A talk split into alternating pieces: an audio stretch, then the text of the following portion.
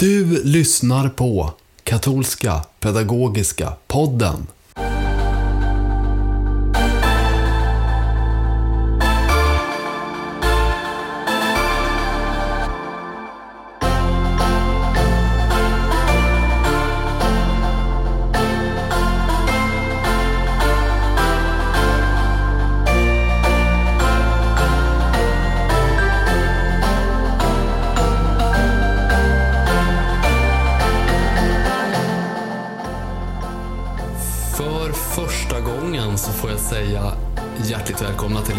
Lyssnar till Katolska Pedagogiska Podden som det här är. Vi kom inte på något roligare namn.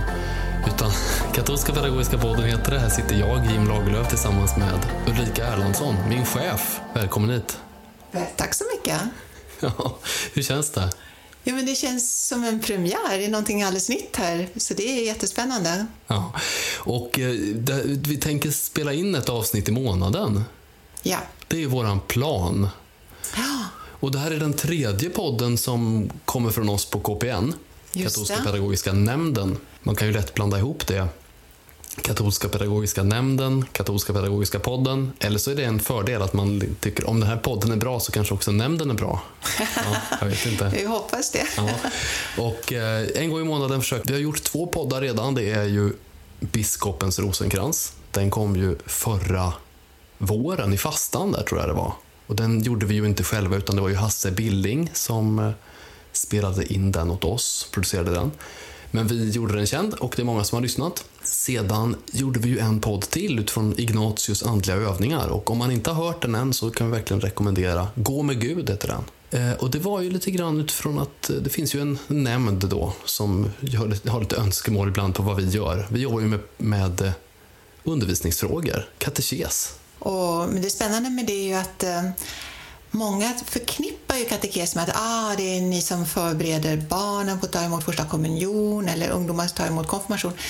Men när man läser direktoren för katekes så ser man att det är så mycket mer. Att alla döpta är i någon mening engagerade i att eh, sätta ord på sin tro och i någon mening försöka dela med sig av sin tro till andra. Så det här är någonting som alla kristna är berörda av på något sätt. Så det är så mycket större än, än man kanske tänker vid första anblicken. Det passar ju perfekt. Då kan man väl säga att målgruppen för den här podden också är ganska stor. Det är inte bara ni som är kateketer, vi som är kateketer som kan lyssna och få del av det här, utan det är alla som är intresserade av hur vi kan förmedla kyrkans tro på olika sätt i olika sammanhang, till olika målgrupper. Till barn såklart, de som ska gå till första bikten, första kommunionen, absolut, konfirmanderna. Men sen är det ju så här, i Sverige finns det ju en hel rad vuxna som närmar sig den katolska tron, eller som återupptäcker sin så att säga, barnatro på olika sätt. Jag tänker särskilt vi som bor i Sverige, vi har ett särskilt ansvar för, vi är så små och så få katoliker i vårt land. Ehm, så många vänder sig med nyfikenhet också till oss och förväntar sig ett svar. Ehm, vad är det här, du är katolik, vad innebär det för dig? Och hur, hur förklarar vi det? Och vi måste där ständigt också fundera över orden vi använder, språket, hur, hur kan vi kommunicera det på bästa sätt? Och på det sättet berör det här verkligen alla som i någon mån är indragna i evangelisation i bred bemärkelse. vi två som sitter här, vilka är vi egentligen då? Um, Ulrika Erlandsson, vem är du egentligen? Jag är arbetande ordförande på Katolska pedagogiska nämnden och jag har arbetat här jättelänge. Jag älskar mitt arbete, uppfyllt av det. Jag tycker det finns ständigt nya utmaningar och nya sätt att arbeta. Nu på senare tid har vi ju börjat med film här också, men annars är vi väldigt engagerade i också att stötta kateketer. De ligger oss varmt om hjärtat. Det är fantastiskt i vårt land att vi har så många kateketer som gör en så stor insats och de vill vi stötta. Så jag är verkligen väldigt brinnande uppfylld av mitt arbete men jag har också min familj här i Sverige och jag är själv inte uppvuxen i Sverige så jag känner mig, jag är halvtyska och växte upp mestadels i Afrika och och jag tror att det har gjort att jag känner mig extra hemma i katolska kyrkan i Sverige för jag älskar det internationella, att det här är verkligen världskyrkan och, och det, det är för mig min livslust. Jag är uppvuxen katolik och kat, vi bytte land men ofta men kyrkan var alltid densamma så den är, är mitt andliga hem för mig, alltid har varit också. Och du är själv kateket, eller hur? I Täby. Absolut, ja kämpar och, och, och uppfylls av glädje med det varje gång. Och vem är du då Jim? Jag heter Jim Lagerlöf och jag har jobbat här i ett och ett halvt år på KPN som konsulent. Det betyder ju att jag skriver material, jag är ute och håller kurser, precis som du gör också Ulrika. Eh, och jag finns med som, jag hjälper om det är någon som har någon fråga hur man undervisar eller vad man kan förbättra eller förändra eller utveckla. Min bakgrund är att jag har en lärarutbildning och en teologiutbildning. Jag var nämligen före det att jag blev katolik, innan jag konverterade till den katolska kyrkan, jag och min fru. Då var jag präst i Svenska kyrkan, protestantiska lutherska kyrkan här i Sverige. Och jag är uppvuxen här i det här landet, i Dalsland som väldigt få som inte har varit där vet var det ligger. Vet du vart det ligger, Ulrika? Ja, jag har en fin karta i mitt rum. Det. det är bra att när vi har våra församlingar ja, ja. i hela landet. Då är det bra att veta. Och då har jag sett Dalsland. Ett litet landskap långt härifrån. För vi sitter ju i Stockholm och spelar in det här mm. på vårt kansli på, i Gamla stan, Brunnsgränd. Välkomna hit också. Ja, verkligen. Hit mm. får man jättegärna komma och hälsa på om man har chans. Men nu då, nu har vi presenterat oss och vi har presenterat podden. Så då får vi lyssna tillsammans på en intervju då med biskop Anders Arborelius.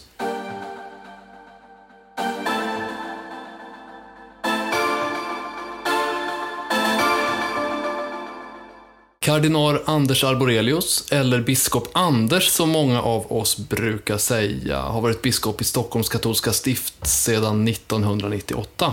Han är karmelit och skåning och har skrivit en rad böcker. Numera reser han regelbundet till Rom, men besöker såklart både församlingar och missioner runt om i hela Sverige på olika sätt. Och nu är du här i den här podden som KPN gör. Välkommen hit! Tack så mycket! Hur är läget? Tack, det är under kontroll. Ja, visst. Eh, jag tänker på den här frågan som många kateketer får chansen att fråga dig om och eh, jag tror också barn har frågat dig hur du hinner med allting. Hur är det med det egentligen? Ja, tiden är ju tänjbar, brukar jag säga. Och har man då något av ett evighetsperspektiv som vi har som kristna, eh, då inser man att man kan inte göra allt. Nej. Utan man får göra det man kan och försöka göra det så bra som möjligt. Och resten får man ju lämna till vår Herre. Så att det är väldigt viktigt att komma ihåg att tid behöver alltid kompletteras med evighet. Annars kommer man väldigt lätt att bli jäktad, stressad och överkörd av tidens vågsvall. Jo, man, man hinner med i himlen då på något sätt? Ja, eftersom vi tror att eh, vi är kallade till detta eviga liv, att vi redan nu i bön, mässa och sakrament får en försmak av det, tror jag det är viktigt att räkna lite mer med evigheten. Att vi kan inte lösa alla problem, vi kan inte svara på alla frågor. Mm. Men har vi den här öppenheten uppåt, då fungerar det också lite bättre här nere på jorden. Och vi får också den här inspirationen att göra jorden så lik himlen som möjligt. Mm. Tycker du, när, när du säger sådana här saker, tycker du att det är lätt att, eller, att bottna i det? För om jag skulle säga det så skulle människor säga till mig så här, ja du säger så Jim, men lever du det verkligen? Ja, alltså egentligen behöver man ju inte känna efter hela tiden och det är väl lite eh, vår, eh, vår tids problem att det hela tiden ska kännas på ett visst sätt. Att vi ska uppleva det, att vi ska kunna få ut någonting av det. Eh, och det är väl det som gör det lite svårt för oss också, att vi hela tiden vill ta andlig temperatur på oss själva och se var det nu riktigt, kände jag riktigt Guds närvaro eller inte? Utan eh, egentligen är det ju väldigt mycket enklare att egentligen bara säga så är det. Och jag försöker göra så gott jag kan. Mm. Ibland misslyckas jag, ibland glömmer jag det. Men från Guds sida är erbjudandet ständigt där. Och det är väl det som vi ibland glömmer faktiskt. Att uh, han håller oss i sin hand. Han bär oss, han ger oss sin nåd. Och vi kan inte alltid vara uppmärksamma på det, tänka på det, men från hans sida är det ett ständigt erbjudande och en ständig ström av levande vatten. Den här podden riktar sig ut till kateketer men också till alla människor som är intresserade av undervisning eller relaterade frågor i kyrkan. Och jag tänker på, finns det någon likhet mellan en biskop och en kateket? Gör det det? Det gör det i högsta grad. För eh, som biskop ska man ju förvalta tron, förkunna den, sprida den, förklara den. Och i grund och botten är det ju eh, vad varje kateket, och egentligen skulle jag vilja tillfråga vad varje döpt människa försöker göra. Mm. Naturligtvis på olika sätt.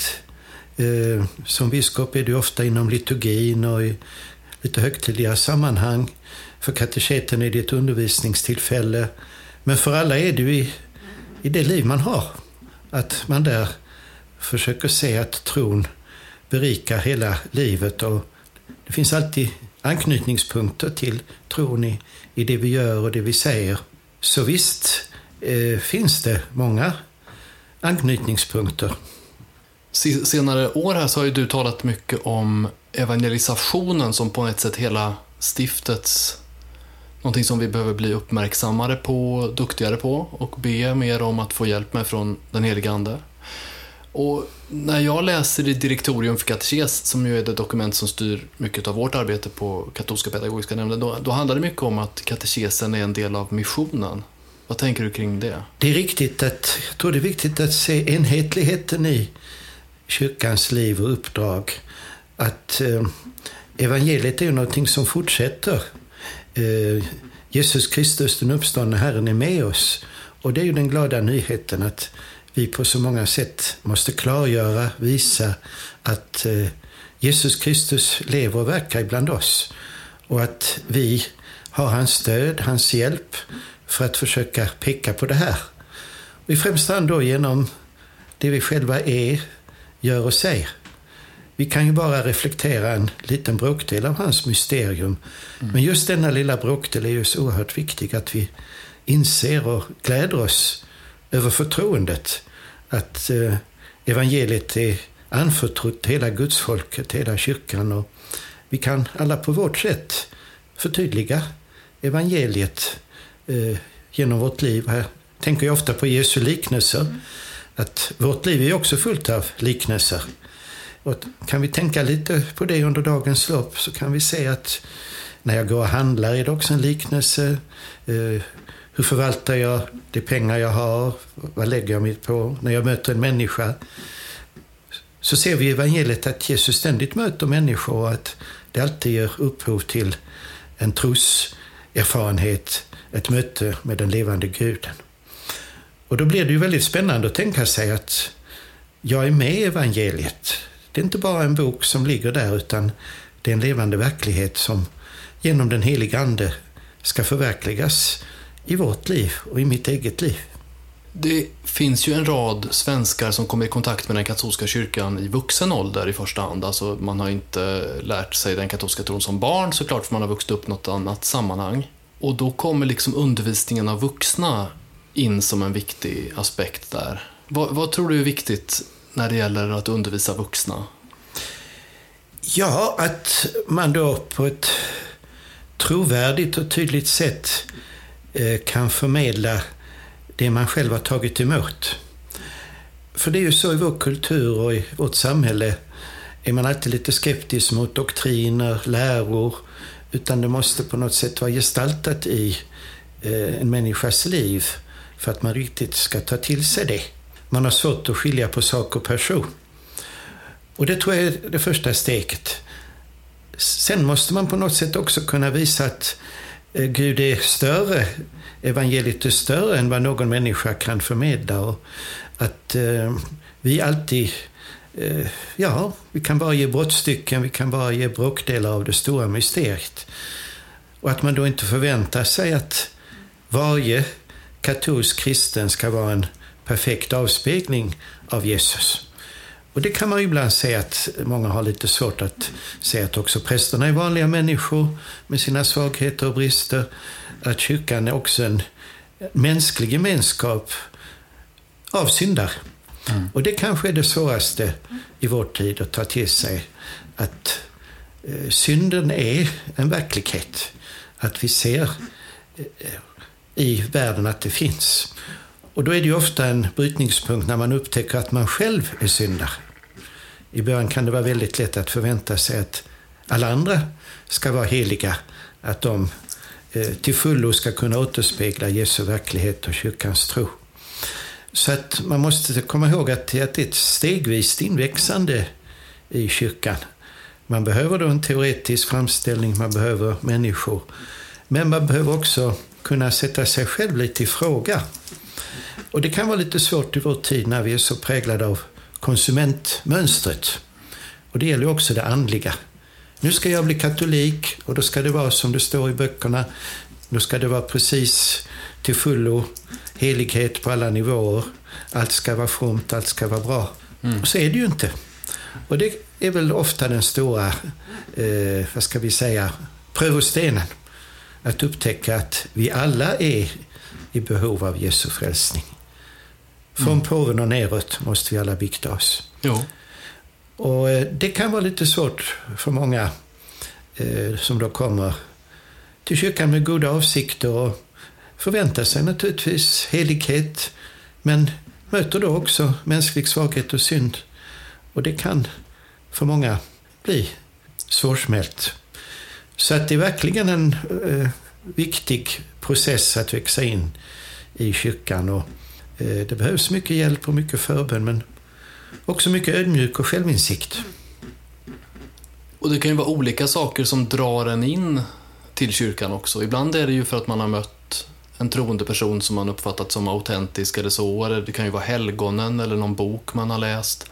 Vad var det som gjorde, för du konverterade ju när du var ung. Ja, jag brukar säga, jag är inte en vanlig konvertit. För jag eh, hade liksom med mig små inspirationspunkter redan som barnsben och mm. var aldrig direkt aktiv i någon annan kyrka. Nej. Så jag har inte så mycket jämförelsematerial. Och på det sättet var det kanske också eh, lite lättare. Eh, under min uppväxt kom jag med små steg lite närmare och närmare kyrkans verklighet. Mm. Men det är riktigt, den första inspirationen var genom Eh, av den systra, Birgittas systrar som jag hade mött. Och det är väl ofta så att man möter en människa, det kan vara också genom en bok eller på ett annat sätt, som då ger en trovärdig bild av vad det är att vara kristen och katolik. Och då blir man nyfiken och sen försöker man gå vidare. Men varje människa har ju sin väg och sin historia. Och då är det viktigt att komma ihåg att det är en frälsningshistoria. Att är vi öppna för, för Gud och Anden, då kan vi lugnt gå framåt på den här vägen. Och, och, för din del så var det ju inte bara kallelsen till att upptas i kyrkan, utan det gick ju vidare till en ganska ovanlig kallelse då, att, att gå i kloster.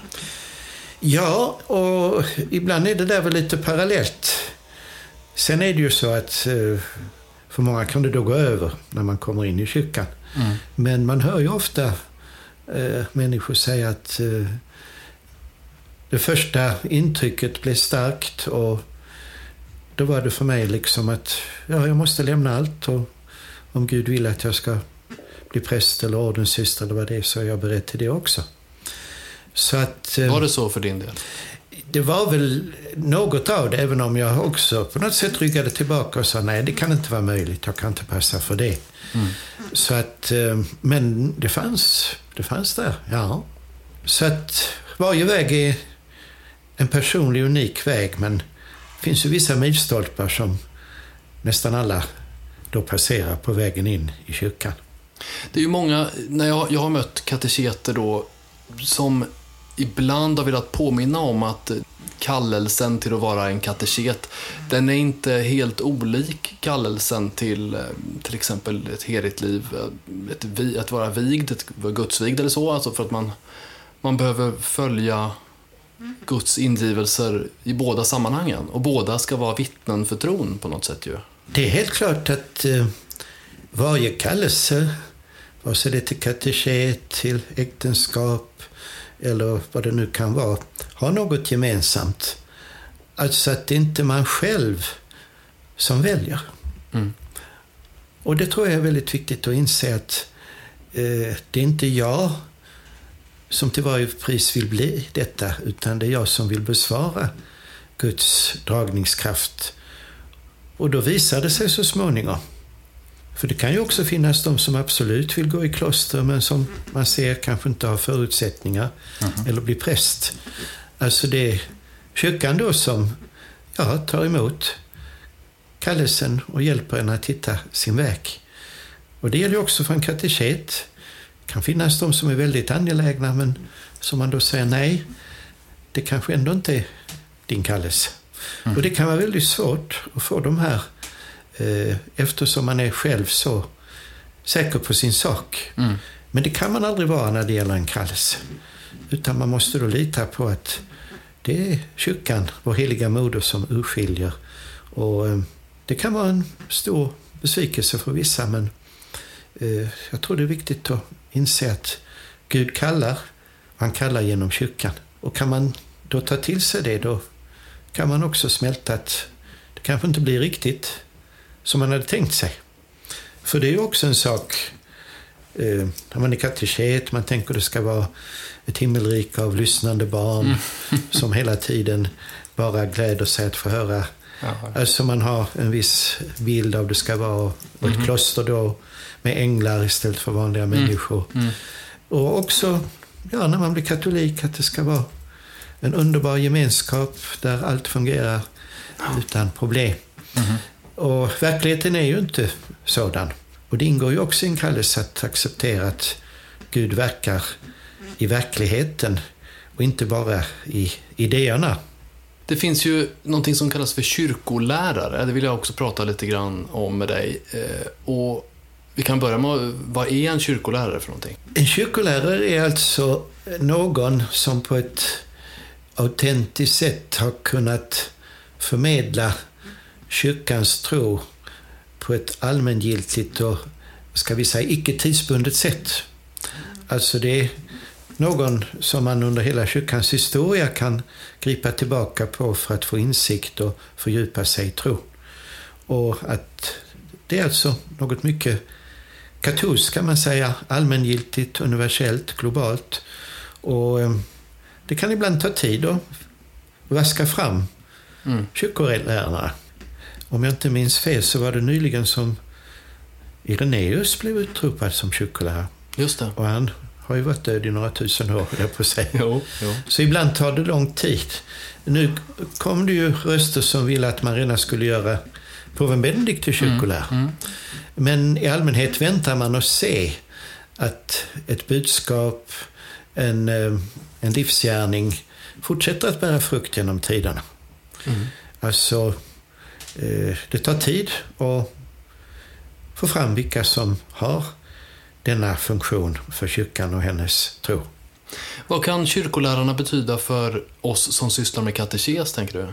Vi behöver ju alla fördjupa vår tro. Vi behöver alla eh, hela tiden upptäcka nya ingångar till mysteriet. Och vi tror att varje kyrkolärare har sin speciella nådegåva och karisma att eh, hjälpa oss att fördjupa vår tro. Det kan naturligtvis vara så att vi känner förkärlek för några och får hjälp av dem. Men vi kan också upptäcka nya eh, gestalter bland kyrkolärarna som kan ge oss ljus. Och det brukar ju faktiskt bli så att man som eh, kristen, vare sig man är kateket eller inte, mm. har vissa, vad ska vi säga, favoriter bland helgonen mm. och bland kyrkolärarna. Mm. Och ofta sammanfaller det ju för i allmänhet är ju, ja vad jag vet är väl alla kyrkolärare helgon också. Så att eh, här finns det ofta en personlig, ska vi kalla det, utmejslad eh, andlig erfarenhet som man vill få belyst. Mm. Och kan få inspiration till från någon av kyrkolärarna. Du är ju karmelit och det finns ju flera stycken bland karmeliterna som har blivit utnämnda till kyrkolärare. Bland annat då den som många älskar, eh, Teresa av Lisieux, eller lilla Teresa av Jesusbarnet. Det stämmer att ehm, eh, karmeliterna har ju eh, flera kyrkolärare. Eh, Johannes av Korset, Teresa av Avila mm. och eh, den lilla Therese. Och det beror väl då på att de på ett så tydligt sätt har hjälpt människor, inte minst att finna sig till rätta i bönens värld. Mm. Och att eh, när vi växer in i den här djupa bönerelationen då växer ju också vår insikt i vem Gud är, vad han vill göra och hur vi ska försöka motsvara den nåd han ger oss. Så man kan säga att de är på det sättet bönens praktiker. Mm. Eftersom eh, de har en förmåga att förmedla en, eh, vad ska vi kalla det, evig eh, sanning när det gäller hur vi i bönen kan komma Gud närmare och möta honom. Och att det då samtidigt har en, vad ska vi kalla det, en eh, dogmatisk aspekt. Alltså att det kan vara lätt att förstå vissa av trons sanningar och dogmer om man ser på dem utifrån den bönerelation som Gud vill föra oss in i. Mm. Det blir så att säga lite mer liv i dogmerna om vi ser att de lyser upp vår gudsrelation och hjälper oss att bli hemma i, i den ständiga dialogen och bönen. Och då blir min sista fundering då just kring bönens betydelse för oss som är kateketer. För om, om vi ska ta fasta på någonting från de här karmelitiska kyrkolärarna, då säger du att bönen, att de har hjälpt människor att hitta till sätt att be. Vad har bönen för betydelse för oss som är kateketer? Bönen är ju själva livsluften. Och det är ju det vi märker. När vi inte ber, då går vi lätt på tomgång. Och när vi då går på tomgång, det är ju det som är det hoppfulla, det är då vi på något sätt prövas på djupet. Alltså Johannes av Korset använder begreppet själens dunkla natt. När vi tycker allt är tråkigt, ingenting säger någonting, ingenting riktigt fungerar. Det är ju då det prövas om vi verkligen vill älska och efterfölja Jesus trots att det inte säger oss någonting. Mm. Alltså att vi på något sätt överstiger våra sinnesförmögenheter som ju ofta styr oss. Känslan av att det ska vara skönt och vi ska få ut någonting av det, att det ska kännas bra. Mm. När det tas ifrån oss. Och eh, det kompletteras ju hos Teresa av Jesusbarnet som fick gå igenom en väldig trosrening. Och på något sätt kände sig befryndad med artisterna. Mm. Som man brukar säga lite på skämt att hon är artisternas skyddshelgon för hon fick Jaha. känna på. Eh, ja, det är inte någon officiell Nej, titel. Men eh, att eh, som troende måste vi också konfronteras med icke-tron. Mm. Och det är en väldigt nyttig erfarenhet för det ger oss då en större ödmjukhet att eh, tron är inte så att säga en tröstnapp som vi kan ta till utan eh, vi måste också utblottas på vår själviskhet för vi är ju ibland mer angelägna att få någonting av Gud än att ge någonting till honom. Mm. Så vi skulle kunna säga att eh, de här karmeliterna hjälper oss att bli hemma i bönen, vare sig den fungerar eller ej. Mm. För vi vill ju att den ska fungera på vårt sätt, men det gör det ju sällan. Mm. Och att då förstå att eh, vi kan egentligen bara ta emot det som Gud ger oss nu. Är det tråkigt? Ja, då är det. För han vill att vi ska ha det tråkigt för att vi ska längta mer efter honom. Känner vi ingenting är det för att vi ska upptäcka tron, hoppet och kärleken som våra instrument. Så att eh, jag skulle säga att de är väldigt praktiska och samtidigt väldigt uppmuntrande. Eftersom vi behöver ibland uppmuntras i vår tro och vårt böneliv eftersom det sällan blir riktigt så som vi vill. Mm. Och det är ju kanske Guds största nåd, att livet blir inte som vi vill. Ja, Fast vi skulle vilja ha det, att det ska bli som vi vill. Han har andra planer. Jo, och det är väl det som är den stora trosprövningen i vår tid eftersom vi är så väldigt programmerande. Eh, vi är, även om vi inte är dataprogrammerare, så är vi programmerare av vårt liv. Det ska flytta på och är det mm. inte bra på det stället så flyttar vi. Är jag trött på en människa, då avskriver jag henne, vare sig det är mina föräldrar eller min, min äkta hälft. Är det inte bra i församlingen, då avskriver jag den. Mm. Alltså, att lära sig att leva i Guds rytm och enligt hans plan, det gör man ju om man ber. Mm. För det blir aldrig som vi har tänkt oss. Nu kommer jag till kyrkan på söndag och det ska vara fromt och fint. Men så sitter jag bara och tänker på det jobbiga på jobbet. Och på jobbet ska det ju vara jobbigt, annars är det ju inget jobb. Oj då. Nej, men eh, nu är jag kanske lite för drastisk här, men ändå tror jag det är väldigt viktigt att inse att det är Gud som styr våra liv och inte vi. Jo. Och i bönen lär man sig det. Förr eller senare. Förr eller senare. Ja. Och med de orden kanske vi säger ett stort och hjärtligt tack till dig, biskop Anders, för att du ville vara med i Katolska Pedagogiska podden. Tack ska ni ha och lycka till i ert viktiga uppdrag som kateketer. Vi är så glada och tacksamma att det finns så många goda kateketer. Och även om man inte känner sig som en, som en god kateket så är man det i Guds ögon.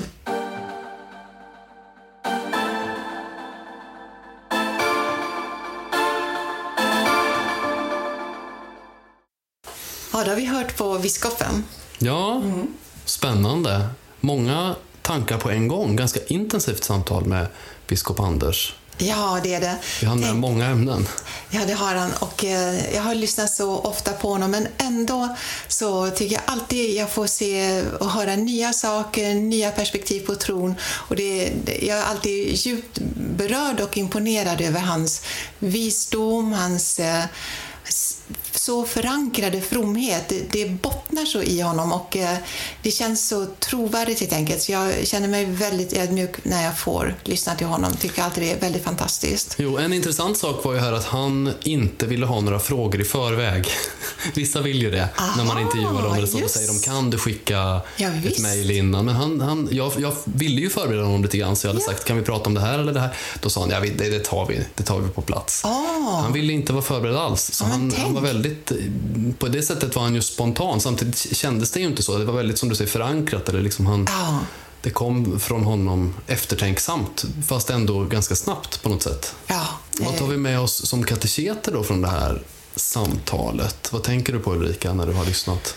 Ehm, Jag tänker han har en sån djup kännedom också om människors fromhet, hur, vår, hur vi lever, vår tro och där också våra tillkortakommanden. Och, och, och jag känner igen mig väldigt väl i det här, hans reflektion över att vi är upptagna av eh, hur känns det här för mig? Nu går jag in i min eh, tro, i min bön, mitt böneliv och så. Och hur, någonstans finns det risken då för en jag-centrering och att han så starkt vill bjuda oss ut ur den. Och det finns ju en befrielse i det här att det är inte mig det handlar om utan det är Gud som är centrum. Det är, teocentriskt på något vis. Och det, det tycker jag är en sånt, sånt viktigt budskap i vår tid. För någonstans är vi, hela samhället runt oss också väldigt jag-centrerat.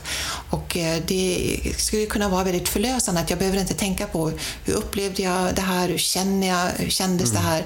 Utan jag kan vila i den förvissningen att, att det är någon annan som tar hand om, om det stora så att säga.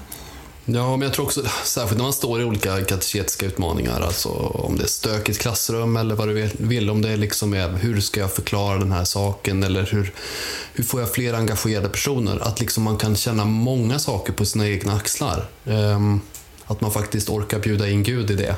Det tror jag är ett bra, bra Ja. utgångspunkt. Men det kan vara svårt också. Att vi, vi sår ett frö, men att vi får låta den heliga Ande lita på en helig Ande gör, gör jobbet och låter det gro liksom och, och vi kan göra en liten insats, men det större, det, det, det måste vi lita på att någon annan tar hand om. Vi hann ju prata om många saker som sagt. Och både det här, jag, jag tycker det är intressant med förebilder. Han, han nämnde ju systrarna. Och eh, jag tycker det är speciellt. Jag, det kan ju vara någonting för en kommande podd någon gång i framtiden eller för mer fördjupning. Men att systrarna i Omberg, Heliga Hjärtats kloster, idag, nu, att de är kateketer för Ja. barn som finns i området. Jag blev så väldigt inspirerad av att höra om det när människor berättar för mig att barnen är peppade på att få åka till klostret Ja. och få undervisning där. Ja. Att det faktiskt det är ett sånt autentiskt vittnesbörd som man liksom är sugen på att få veta mer om och få liksom sitta ner och bara vara i. Och det har ju biskopen ofta återvänt till, att det var det här, det, någonting initierades för honom som barn i Schweiz där han mötte Birgittas systrar, där satte någonting igång. Och också vi får inte förakta, vi tänker ja, men vi undervisar ett litet barn och ja, vad ska det vara värt så mycket? Men där, med vår egen biskop har vi ett fantastiskt exempel på att det spelade otroligt stor roll. Redan hans första tidiga möten på plats, liksom se dem på nära håll, deras liv, deras, uppleva dem. Eh, det, det fick någonting att gro, att, att växa i, i hans andliga liv, fastän han var ett litet barn. Ja, men visst, och även om man inte ville fastna så mycket och prata om sin egen andliga väg egentligen. Det måste ju varit så att om man, om man går från att man, liksom, man konverterar, även om han tonade ner att det var en särskild omvändelseperiod eller så, men det, om man går i kloster av en sån anledning, det tänker jag, det, det är en berättelse i sig. Det säger någonting i sig själv, det. Ja, verkligen. Och där, jag tänker andra som, eh, som anknyter till det här väldigt mycket, det var mm. till exempel när vi kom in på kyrkolärare, mm. att eh, för där tänker man ju att ah, det är de som har förstått sig på hur tron formuleras på bästa sätt. Det liksom, man ja. tänker lite på dogmatiken, man mm. tänker lite på mm. världskatekesen. Ja. Men då, då, tvärtom så lyfter han ju fram, ja men de var ju helgon också. Mm. Det vill säga deras levnadsgärning ja. lyfter han fram. Och, och där kommer vi in på, på också vår tros, eller vår tids stora utmaning att människor vill inte ha bara sanningar utan de vill ha förebilder, levande, liksom äkta vittnesbörd. Och, och det, det, tror jag är jätte, jätteviktigt för, för alla oss kateketer, alla vi som vill, vill tala om tron. Att inte komma med en tjock bok och, och dundra den huvudet med någon, utan, um, utan faktiskt leva evangeliet. Jo, men exakt. Alltså, dogmerna behöver få liv. Mm. Det, det, står väl redan i skriften där att bokstaven dödar, anden ger liv, eller vad det står. Just Så att det. det är ord spelar stor roll, men de måste levas. Ja, så är det ju. Och eh, nej men han, han pratade ju om dem som helgon och det är en viktig sak att, att på ett sätt lärarna i kyrkan, våra kyrkolärare, de är helgon. Och helgonen har så mycket med katekes att göra, tycker i alla fall jag. Ja. Utmaningen som jag har tagit många gånger i, när jag är kateket, då, som jag, jag har haft undervisning för konfirmander i alla fall, ganska mycket, och även yngre barn, att man liksom vill ha liksom sitt dagens helgon. Att det är så bra. När man har berättat någonting, någon trossanning eller någonting från något som är viktigt i den, i den katolska kyrkans tro, då vill man säga, kolla på den här personen. Här blev det här livet, den här tanken, den här idén verklighet. va?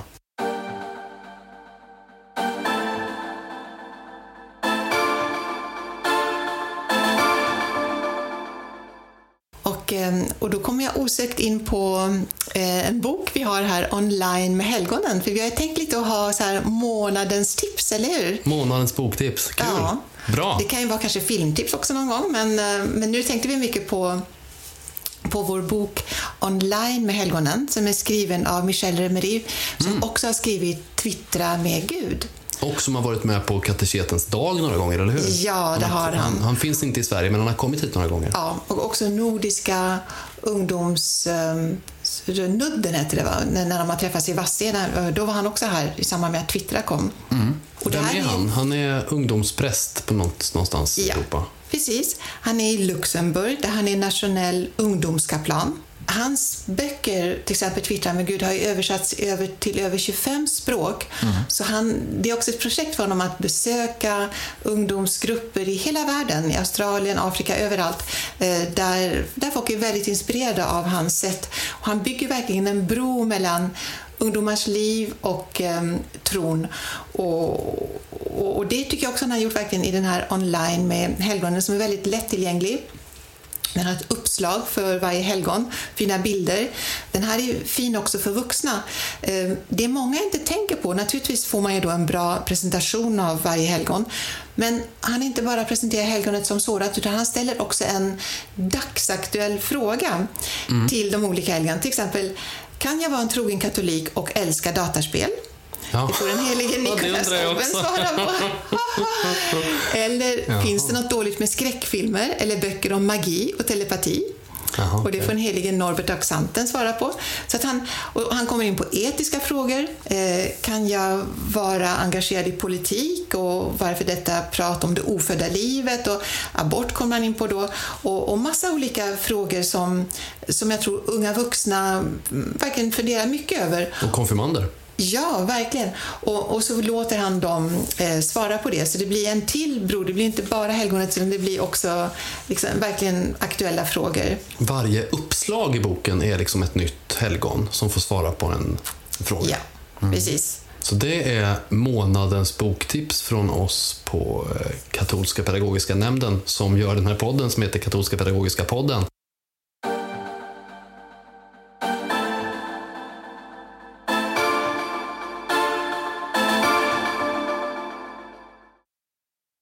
Vi kommer i varje månad, varje gång den här podden kommer, kommer det finnas något som heter Fråga KPN. Och eh, framöver hoppas vi ju på att ni som lyssnar mejlar frågor till oss på kpn katolskakyrkan.se och det går jättebra att mejla dit, ställa vilken fråga du vill som har att göra med allting som har med katekesen att göra. Och första frågan den har vi faktiskt inte fått in till podden, men vi har fått in den till oss på KPNs kansli och inte bara från en kateket ute i landet utan från flera. Och det är ju, ibland kan det vara när man förbereder barn, unga, inför den första bikten, så kan det vara en utmaning.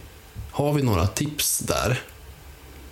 Ja, och det eh, har vi precis sammanställt en liten lärarhandledning. Det är eh, tio sidor av fyra sidor. Man kan skriva ut dem gratis från hemsidan med väldigt mycket råd och tips på hur man kan lägga upp och förbereda för barnen så att de verkligen förstår vilket fantastiskt sakrament det är. Det är viktigt att det från början blir rätt så att de ja, med glädje och tillförsikt går in till biktpåsen och, och eh, tar till sig det här. Så, så ta, titta på det och försök att göra så mycket som möjligt av den förberedelsen. Det är jätteviktigt. Här får ni då tre tips från mig utifrån det här materialet. Och det första tipset är se till att prästen som ska höra första bikten inte är en främling för barnen. Utan att prästen har varit med, lärt känna, hälsat, pratat så att de inte liksom behöver en onödig barriär fram till första bikten. Utan att ja, men prästen är någon jag vet vem det är, någon jag kan relatera till. Så bjud in prästen till katekesen om ni inte redan gör det.